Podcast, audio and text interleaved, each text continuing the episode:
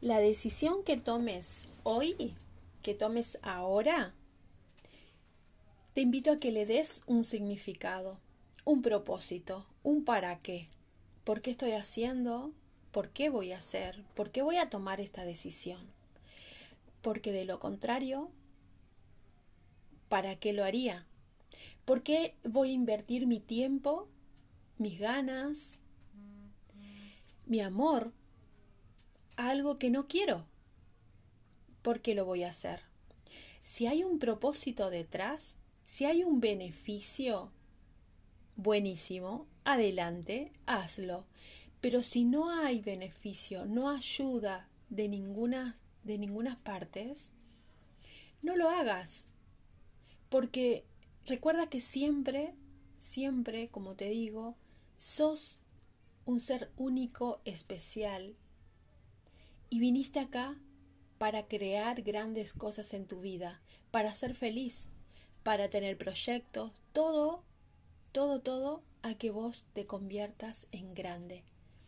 Pero si te dejas de lado para complacer al otro, si, te, si las decisiones que tomas es basándote más que nada por miedo, por miedo a perder, por miedo a dejar algo, no lo hagas porque no te va a traer ningún beneficio. Todas las decisiones que tomes en tu vida, encuentra un propósito, encuentra un para qué. ¿Por qué? ¿Por qué voy a voy a comer, por ejemplo? ¿Por qué voy a comer esta deliciosa ensalada? ¿Con qué propósito? ¿Por qué lo voy a hacer? ¿Por qué voy a ir a correr? ¿Por qué hoy decido quedarme durmiendo hasta más tarde? ¿Para qué? tenés que encontrar un, significado.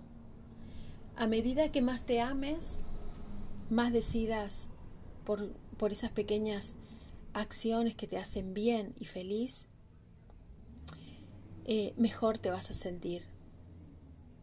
Y al principio puede que sea súper difícil, pero a medida que más lo hagas, vas a encontrar eh, más facilidades en eso, en esas pequeñas eh, acciones. Así que todos los días, todas las acciones que tome, encuentra un para qué, un motivo por qué lo estás haciendo. Te recuerdo que soy Mariel Arce, autora y creadora del Universo Te Acompaña y realmente recuerda siempre que no estás solo y podés lograr todo en tu vida lo que vos querés. Estoy aquí para ayudarte. Estoy en mi propósito de vida porque sí encontré un, encontré un para qué para, para hacer todo lo que hago y es algo que me genera muchísima felicidad.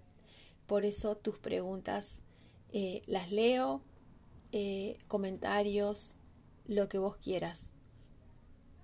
Estoy aquí.